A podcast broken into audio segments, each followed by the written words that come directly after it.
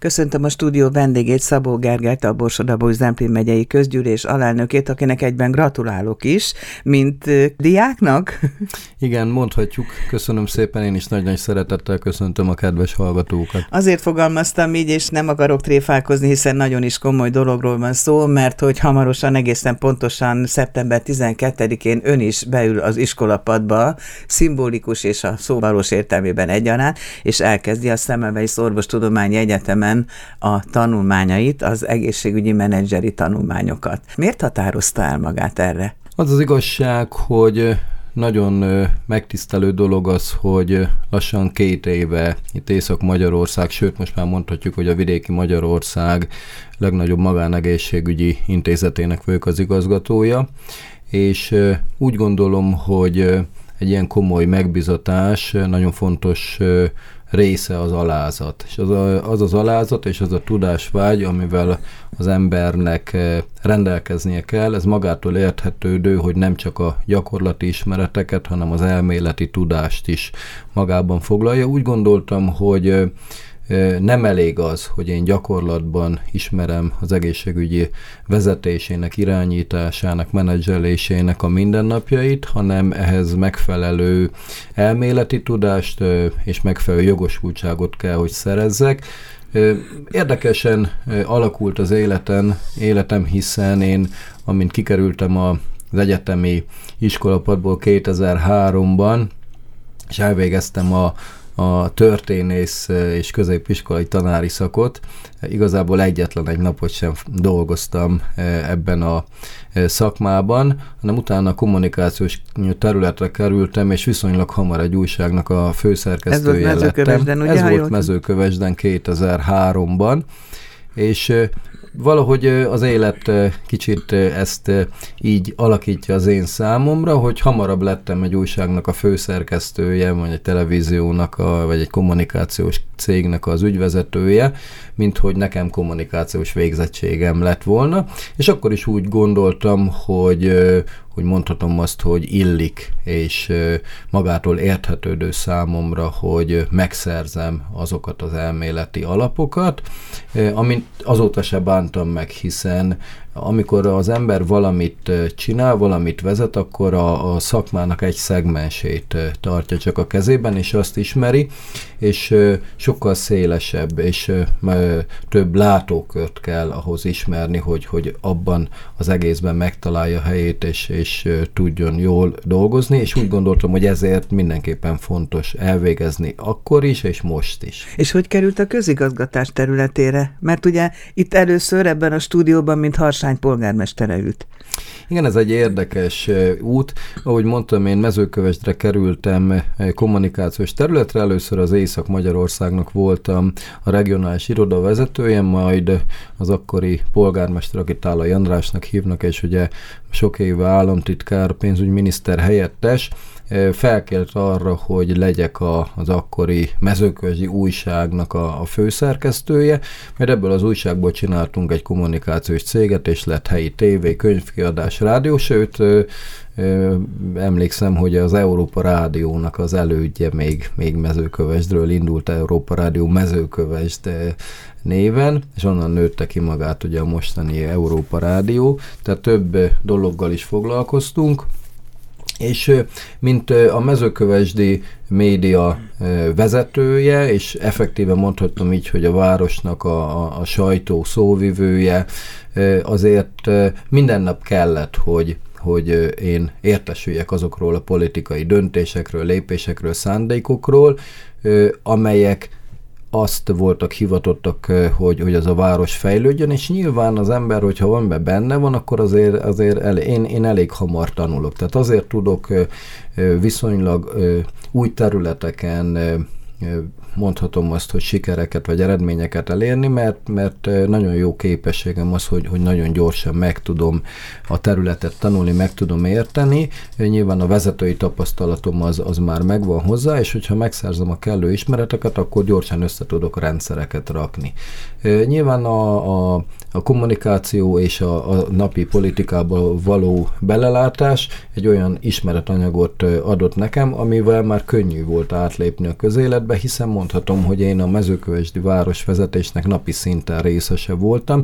Mondhatjuk azt, hogy megtanultam azt, hogy hogy kell eredményesen egy települést vezetni, és amikor úgy éreztem, hogy szeretnék segíteni a saját településemen, szeretnék visszaadni valamit és szolgálni az ottani közösséget, akkor már egy, egy jókora tudásbázissal voltam felvértezve a településvezetői munkából, úgyhogy onnan már csak egy lépés volt, hogy, hogy azt a tudásbázist, amit én sajtósként megszereztem, magamba szívtam, azt a saját településem, közösségem javára fordítsa. Aztán most meg a megye javára kell, hogy fordítsa, mint alelnöke a közgyűlésnek, Igen, ugye? hát ez a következő lépés volt, nagyon nagy megtiszteltetés volt számomra, hogy, hogy felkértek erre az előkelő pozícióra.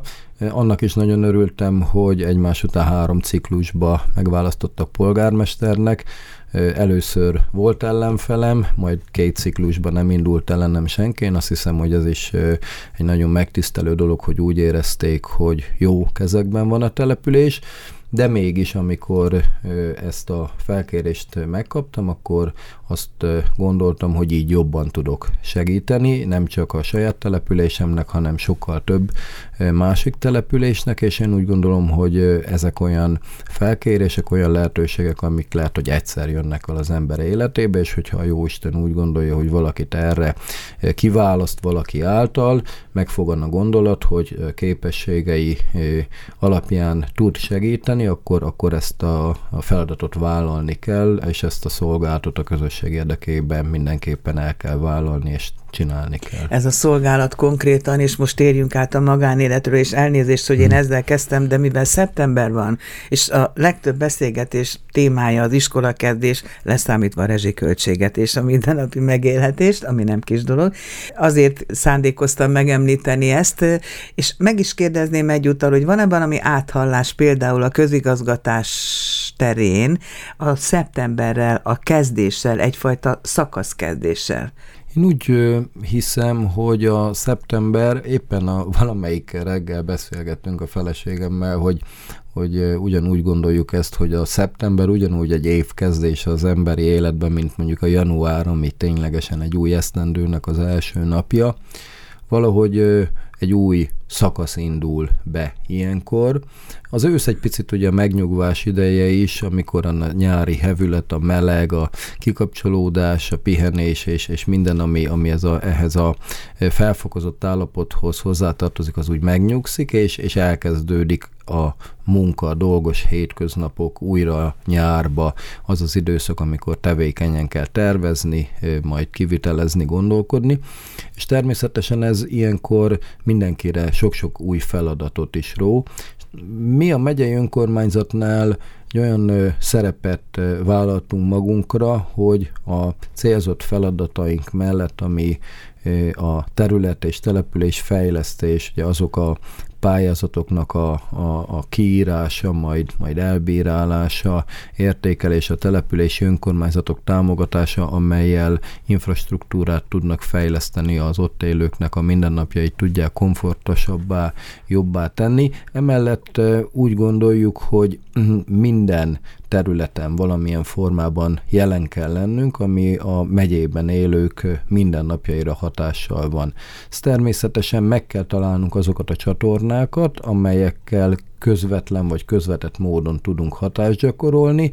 Lehet, hogy azzal, hogy ezt a területet összefogjuk, kohéziót teremtünk, információ cserére adunk lehetőséget, vagy esetleg célzott támogatásokkal, rendezvényekkel tudjuk ezeket a területeket változásra, fejlődésre sarkalni. Ilyen például ugye a civil szektor is, a civil szféra, amelyben hála jó Istennek Borsodabói Zemplén megyében nagyon széles tárháza van a civil szervezeteknek, és mondhatjuk azt, hogy, hogy a, a, az emberi élettér minden egyes területét felölelő civil szektor van, hiszen beszélhetünk itt szociális területről, beszélhetünk oktatásról, nevelésről, beszélhetünk Egészségügy. egészségügyről, beszélhetünk sportról, beszélhetünk közbiztonságról, és mi igyekszünk ezeknek a civil szervezeteknek a, a folyamatos segítésével, támogatásával, párbeszéddel mindig